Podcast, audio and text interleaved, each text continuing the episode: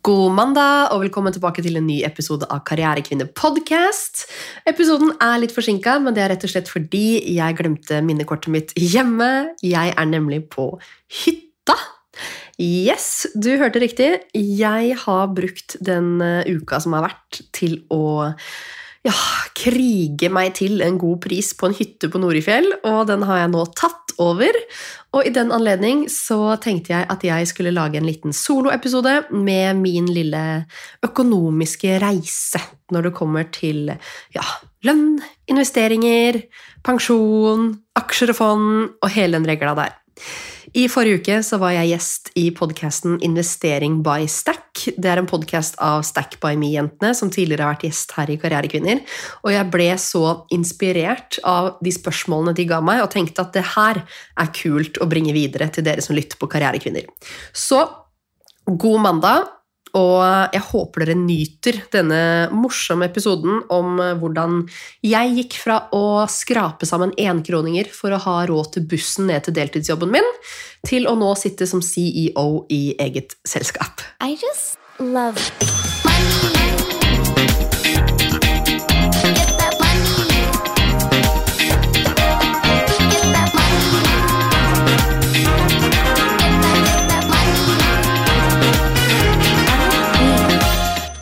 Ja, hallo alle sammen, og velkommen tilbake til en ny soloepisode med meg. Jeg hadde jo selvfølgelig tenkt til å hente inn en gjest denne uka her, som eh, vanlig, men ting gikk litt fort for seg. Som dere vet, i hvert fall dere som følger meg, så holder vi jo på å pusse opp kjøkkenet.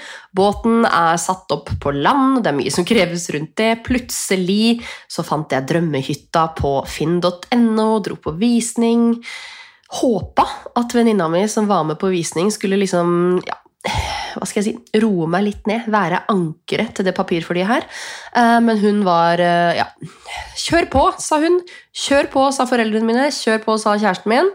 Så plutselig ble jeg hytteeier, og jeg har mildt sagt hatt mye å drive med de siste halvannen ukene. Men nå, dere, nå er jeg tilbake igjen. Forhåpentligvis så eh, har denne ADHD-hjernen, som ikke er diagnosert eh, ennå, i hvert fall, fått roa seg litt og gjort de investeringene hun skal i løpet av det året her. Jeg har litt lyst til å snakke med dere om eh, det her med investeringer og litt om personlig økonomi. Som eh, sagt så er jo det her et minefelt for veldig mange, men jeg føler at dere som lytter på Karrierekvinner, dere er jo faktisk interessert i det her. Så jeg tenker at jeg skal ta dere med litt eh, inn i dybden i dag. Jeg syns det er utrolig viktig at vi bryter tabuet og snakker om økonomi. Vi må snakke om økonomi, investeringer, pensjon, lønn og renter og strømregningene. For vi vet jo alle sammen at eh, det er litt heftig om dagen. Og det å prate om det her, det syns jeg gutta ofte er ganske gode på. Men eh, vi må bryte tabuet, vi damer, og snakke om økonomi. Snakk om økonomi med venner, familie, gjerne kollegaer. Du trenger ikke å snakke høyt om det på sosiale medier, men eh, hva hvis du finner ut at du tjener mindre enn kollegaen din som har lik utdanning og ansiennitet, f.eks.? Jeg fant jo ut av det når jeg jobba som eh, journalist. Jeg var frontsjef, 100% ansatt, og fant ut at eh, en jeg kjenner, hadde 115 000 mer enn meg i året for å gjøre akkurat den samme jobben med den samme utdanninga og samme ansienniteten. Og det hadde jeg aldri funnet ut hvis ikke vi hadde snakka om økonomi. Ved å snakke om økonomi så får du også kanskje vite at venninna di kanskje har noen S i ermet når du kommer til å forhandle lønn. Kanskje noen i vennegjengen kan hjelpe deg med din første investering i fond, eller hvordan du kommer i gang med IPS eller BSU. Kanskje noen har forhandla seg fram til en dødsbra rente i en annen bank, eller fått en helt genial strømavtale. Det her er jo ting som du ikke vet før det blir et tema. Så derfor håper jeg vi eh, damer spesielt kan eh, bli litt flinkere til å snakke om økonomi. Også innad i disse gründerfellesskapene og til dere som er fast ansatt.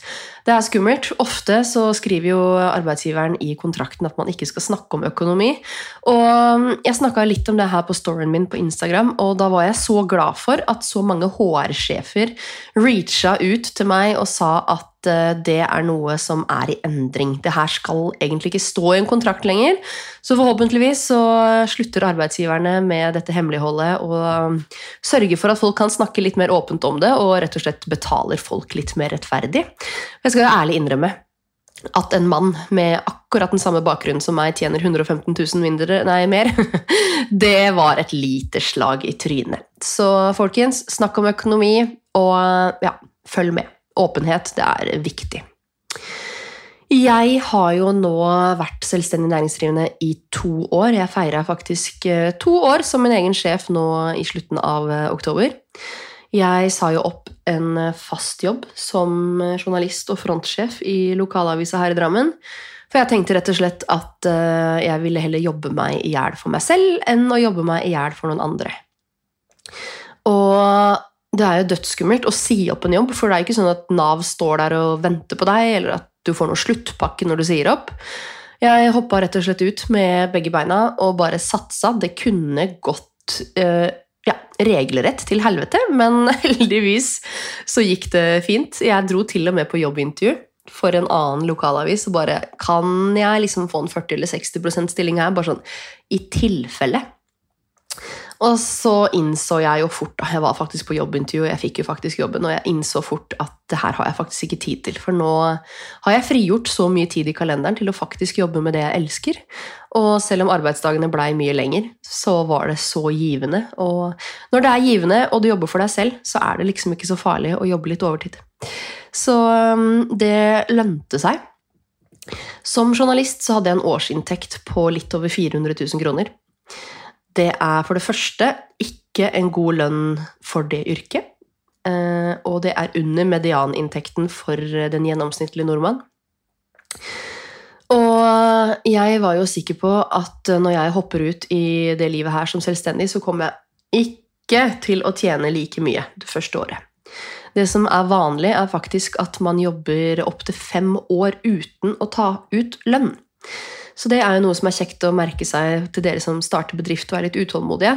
Eh, Det tar ofte opptil fem år før firmaet går så bra at man kan ta ut lønn til seg selv og begynne å ansette. Så det er viktig å ha tålmodighet. Eh, Det hadde ikke jeg. Jeg hadde jo ikke noe fallskjerm. Jeg hadde ingen sparepenger. Altså, jeg hadde ikke penger i det hele tatt. Når jeg gjesta denne episoden med Investering by Stack, så spurte de liksom hvor mye investerte du av egne penger når du starta disse firmaene. Og som sagt, jeg var blakk. Jeg hadde ikke penger. Jeg hadde, ikke, jeg hadde, jeg hadde sprengt BSU-en min når jeg kjøpte min første bolig. Jeg hadde ingenting på sparekontoen. Kanskje jeg til og med hadde gjeld på mastercardet. Jeg aner ikke. Jeg hadde i hvert fall ikke noe penger å investere. Jeg hoppa ut, hadde ikke en krone, og måtte bare jobbe meg i hjel for meg selv. Og da var det liksom greit. Som sagt så tjente jeg jo ca. 400 000 i året som journalist. Jeg sa opp i slutten av oktober, og når nyttårsaften kom, og jeg hadde vært selvstendig næringsdrivende i litt over to måneder, så hadde jeg tjent inn nesten 400 000 bare på de to og en halv månedene. Så det sier litt om magien som skjer hvis du klarer å frigjøre tid. Jeg sier ikke at alle sammen skal løpe ut til sjefen sin nå og si opp jobben sin, men eh, om du tør, om du har sjans, om du har støtte, så bare det å liksom kunne gå ned i prosent, om du går ned til 80% da, frigjør én dag i uka, eller tør å gå ned til 60% og frigjøre to dager i uka, så eh, er du der ganske fort. Det handler egentlig bare om å tørre. Jeg har jo nå på disse to åra som selvstendig næringsdrivende eh, omsatt for litt over fire millioner kroner. Jeg har jo som sagt aldri tjent noe særlig penger. Før jeg blei frontsjef, så, altså journalist, så har jeg bare tatt litt strøjobber. Jeg har jobba litt på Fresh Fitness, på treningssenteret der. Jeg har jobba som rådgiver på Sonans i en tja, hva det hadde, 40% stilling før jeg gikk opp til en 60% stilling. Ja, jeg jobba litt sånn her og der, litt på utesteder, litt som telefonselger. Jobba for russedress, faktisk. Kjørt rundt og prakka på russedresser på eh, 18-åringer. Så jeg har hatt veldig mange forskjellige strøjobber, aldri hatt noe særlig penger. Bodd i en bitte liten kjellerleilighet på 40 kvadrat som jeg leide av eh, faren min. Og ja, egentlig aldri før nå tjent noe særlig penger. Aldri vært noe sånn Eller selvfølgelig, alle er jo opptatt av å tjene penger, opptatt av å ha en god lønn, men jeg var liksom ikke klar over mulighetene mine. Jeg var ikke klar over arbeidskapasiteten min. fordi når man ikke trives i en jobb, så får man lavere arbeidskapasitet. For man har ikke lyst, man har ikke den driven som man har når man jobber for noe man brenner for. Dessuten hadde jeg jo ikke store utgifter heller, så jeg krev, altså det krevdes ikke at jeg tjente mye penger. Så jeg bare gikk i en sånn tralt, da, hvor jeg bare ja, ja. Jeg hadde heller ikke veldig peiling på øh, aksjer og fond, eller jeg hadde jo for så vidt ikke penger på sparekonto heller. Jeg hadde en bitte liten BSU eh, som jeg sprakk den dagen jeg fant eh, den ene boligen som eh, jeg sitter på nå i Svelvik. Den kjøpte jeg for så vidt når jeg var 26, så det er jo relativt tidlig å kjøpe seg en enebolig, men eh, bortsett fra det, null kontroll på økonomi. Egentlig veldig liten interesse i det også. Så har det seg sånn at jeg eh, hadde mitt første møte med investeringer når jeg var eh, 18. Eh, det her er jo en litt sånn morsom historie, for jeg eh, fikk et brev i posten når jeg fylte 18, om at eh, Fokus Bank skulle bytte navn eller et eller annet til Danske Bank, så jeg måtte komme ned på kontoret og ta ut pengene mine. Og jeg hadde jo ikke noe penger i noe bank, så jeg skjønte jo ingenting. Jeg tar med meg en kompis da, som eh, var sønnen til ei som jobba i banken der, og bare gikk inn der. Hadde aldri vært i møte med bank før i det hele tatt, tror jeg. Nærmest er å bestille et bankkort. Møter opp der og får jo da beskjed om at det er en ganske stor sum på konto. I hvert fall for meg. Den var vel på rundt tja, var den på mellom 30 000 og 50 000, kanskje. Og jeg skjønner jo ikke hvor disse pengene kommer fra. Så viser det seg da at de pengene de kommer fra et fond som min mormor starta for meg når jeg ble født. Et fond som eh, ikke nødvendigvis var så stort, men som over da 18 år hadde vokst seg til å ha en verdi som for en 18-åring var helt sinnssyk. Jeg fikk jo da plutselig råd til eh, russetid, jeg fikk råd til førerkort, og jeg kunne liksom leve det luksuslivet i russetida. Man kan jo tenke litt ekstra nå om det var så lurt å bruke de pengene på det, men um, det var liksom mitt første møte da, med investeringer. Og så tok det jo noen år da, før jeg skulle lære meg liksom å sette meg inn i det her igjen. Det var faktisk når jeg møtte kjæresten min, som, eh, han som er sammen med nå. Han eh, har jo alltid investert litt, vært litt smartere enn meg når det kommer til økonomi. Hadde en mye større egenkapital enn meg når vi eh, gikk inn i den boligen her. Så han hjalp meg å investere i eh, mine første fond. Jeg gikk jo da for det tryggeste, globale indeksfond. Kjøpte det gjennom flere banker. Globale indeksfond er jo da samla fond i forskjellige bransjer. Og det skal jo veldig mye til for at alle disse bransjene går f.eks. konkurs samtidig. Jeg kjøpte jo mye fra Apple, Microsoft, Amazon, Tesla, Johnson Johnson, Nestlé. Der har du liksom Du har litt teknologi, du har liksom eh, litt helse, du har litt mat Altså, det er så mye greier inni der.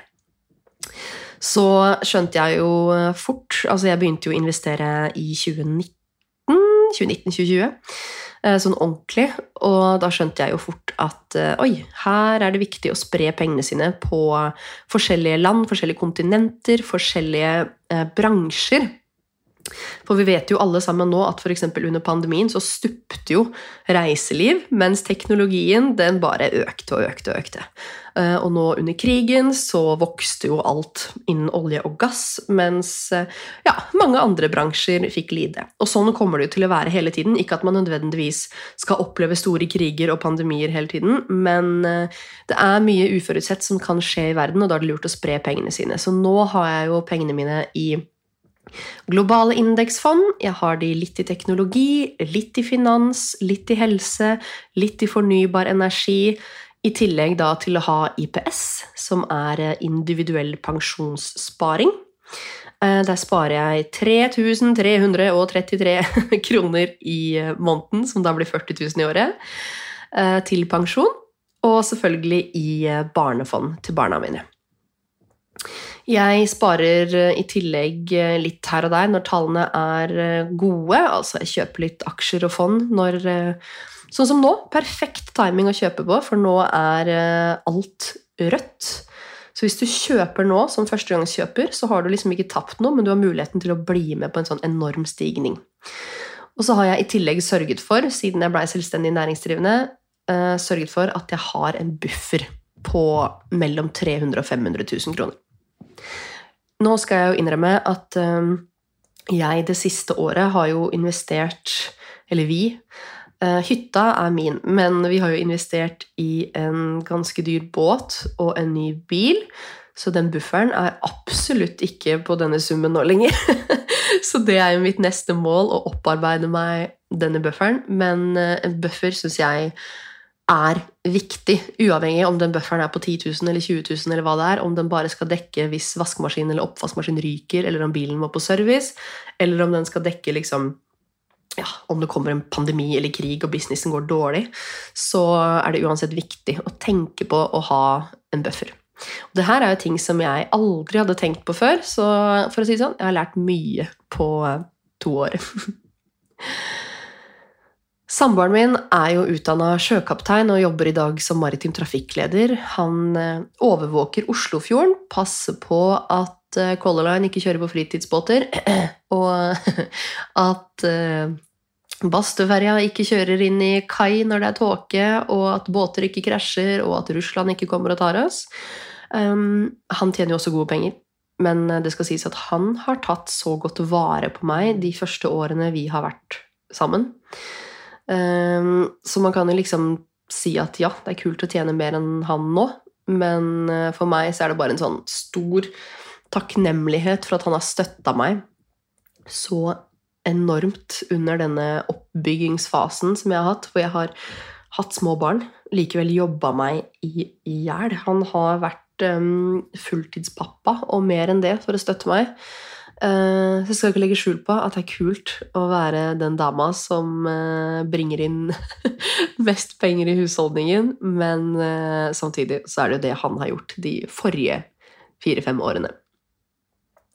Så jeg føler at vi er et dream team, og selv om hytta nå er en investering som jeg har gjort, som jeg står for, hele Altså alt står på meg så er det jo veldig gøy da, at han eh, likevel er investert. Så jeg hadde ikke fått til noe av det her. Jeg hadde ikke lært noen ting om aksjer og fond sikkert, hadde jeg ikke hatt den eh, bautaen som har liksom pressa meg ut i det.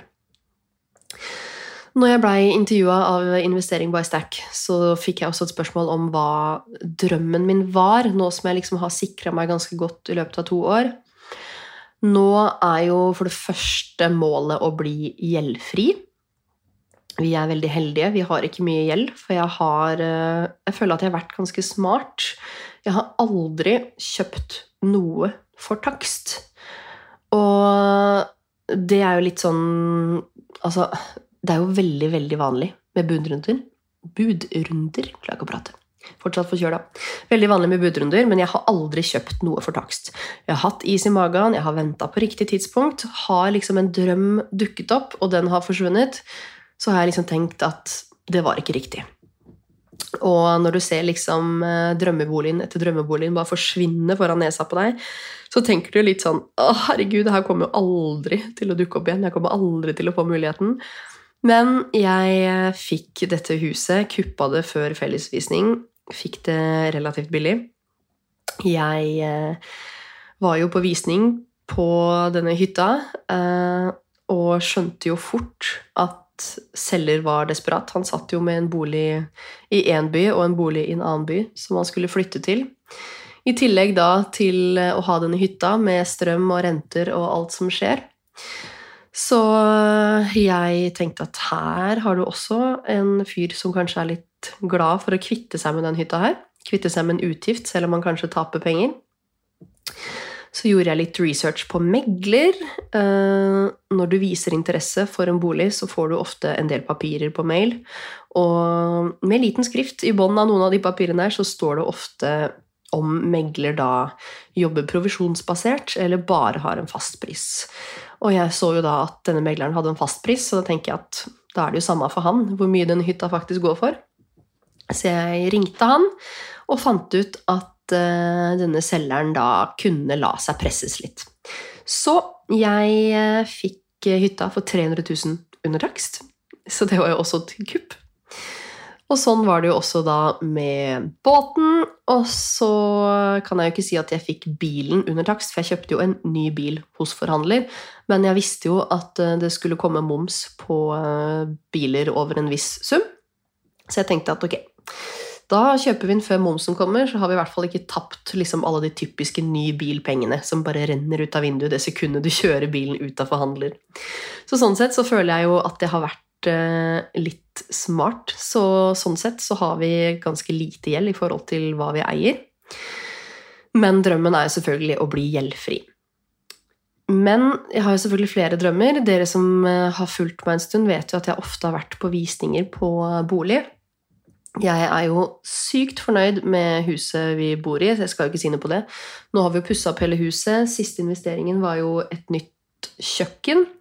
Men min største drøm, i tillegg til at barna mine skal ha hver sin leilighet når de blir studenter, det er eh, et hus med strandtomt. Altså at jeg kan ha båten i hagen.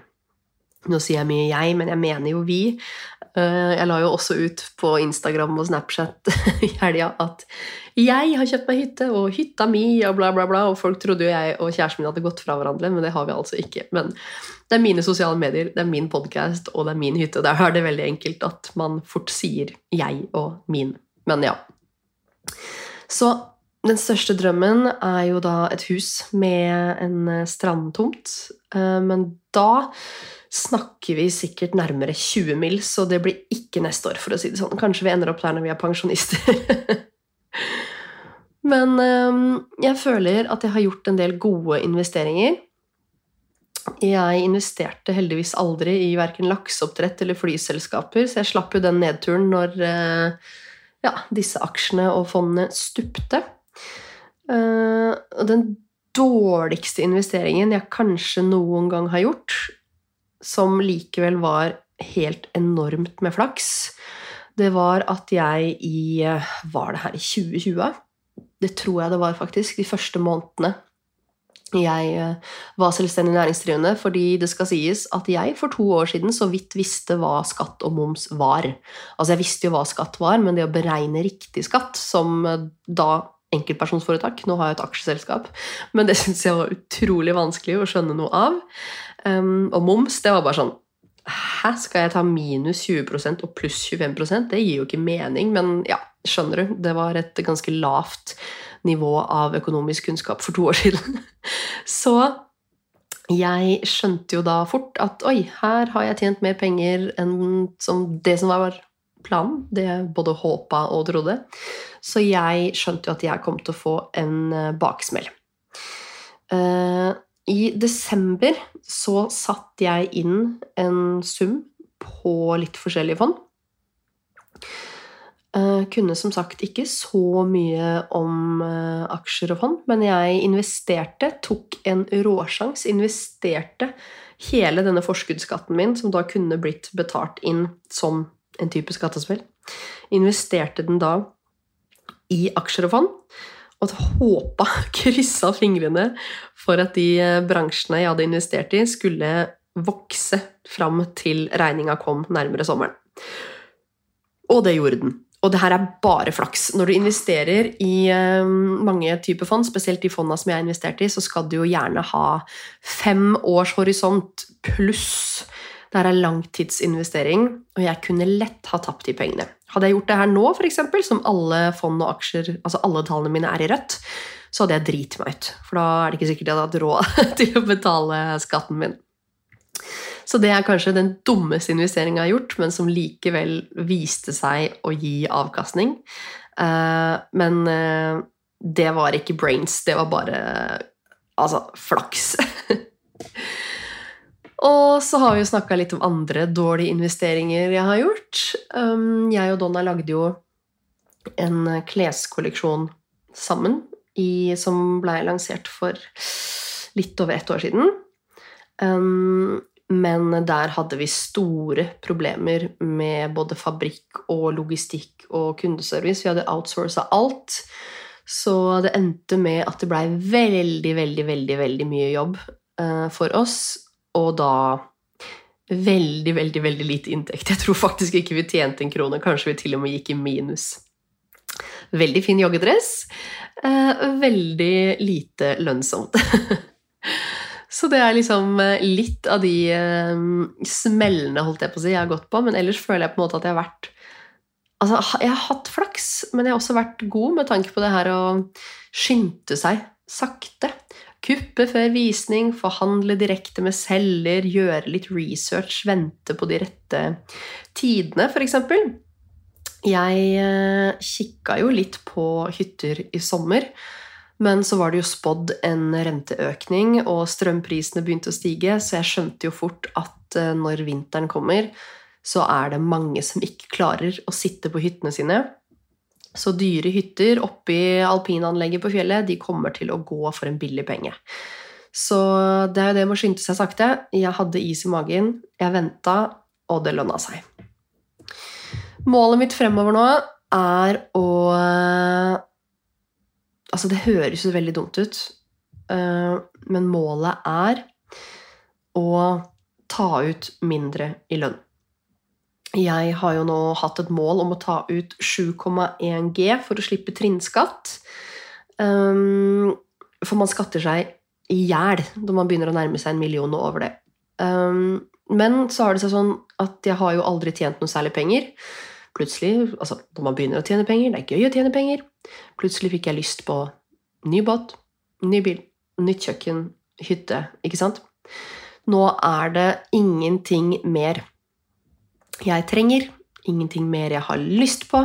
Så målet mitt nå er at jeg skal tjene litt mindre som enkeltperson i 2023, men at firmaet mitt selvfølgelig skal gå rundt så det suser.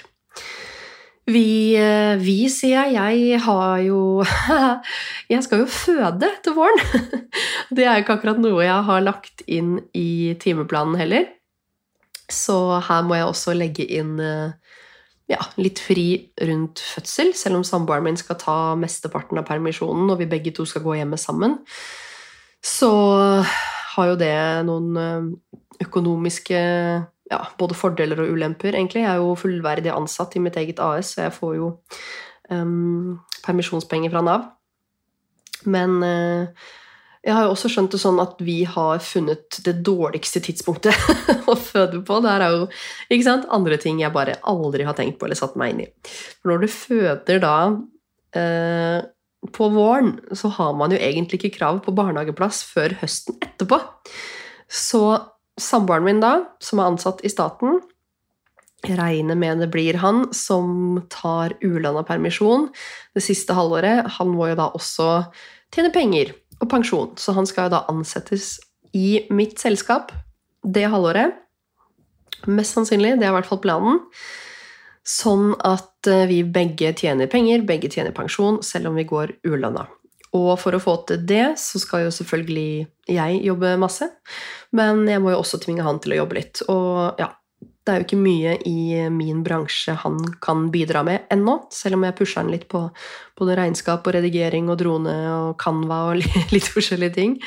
Men um, vi holder jo da på å bygge opp en ny nettbutikk, som da lanseres uh, tja, litt før jul. Så spennende tider. Dette er jo også en stor investering som eh, jeg har gjort nå gjennom firmaet. Den eh, første regninga på denne nettbutikken kom vel på 350 000 kroner. Um, så ja. Nå eh, er det bare å satse på nytt to år senere. Hoppe ut i det, altså det svarte, skumle hullet med mye mindre penger på konto, og satse på at eh, det hullet som jeg har funnet i markedet, og den drømmen som vi har, at den da blir virkelighet, og at vi har eh, truffet noe som folk vil ha. Kan ikke si så mye mer om det nå ennå. Vente på vareprøver i posten. Håper alt blir bra, at det ser bra ut. Jeg har jo vært gjennom den prosessen her før, og det tar jo mye tid. Um, men forhåpentligvis så kan vi uh, vise litt sneak peeks før jul, før det da lanseres i uh, ordentlig i 2023. Så det var um, min eh, lille økonomiske reise fra å bo i en bitte liten kjellerleilighet og tømme vesker og jakker og pante klær for å få råd til bussen til skole og mine små stillinger, til nå å drive flere selskap og podkast og nettbutikk og alt som er på vei opp. Så eh, jeg har egentlig bare lyst til å si til deg som lytter, at det kan ta fem år før du tar ut lønn fra firmaet ditt, men det kan også ta fem uker. Så hopp i det. Stol på deg selv, stol på magefølelsen din, og ikke se deg tilbake. Jeg lover. Du kommer til å få det til. Det er bare å jobbe seg i hjel være smart, finne hull i markedet og bjuda på. Være åpen, hjelpe andre opp, utnytte nettverk, samarbeidspartnere, få venner som har de samme interessene, og sist, men ikke minst, snakke åpent om økonomi. Da håper jeg dere får en fantastisk uke videre. Så skal jeg kose meg videre på hytta. Og så snakkes vi neste mandag. Ha det bra! I just love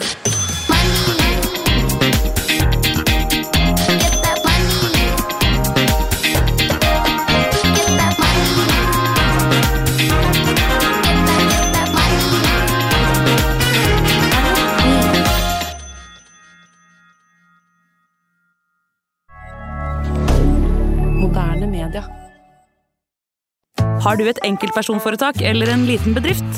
Da er du sikkert lei av å høre meg snakke om hvor enkelt det er med kvitteringer og bilag i fiken, så vi eh, gir oss her, vi. Fordi vi liker enkelt. Fiken superenkelt regnskap.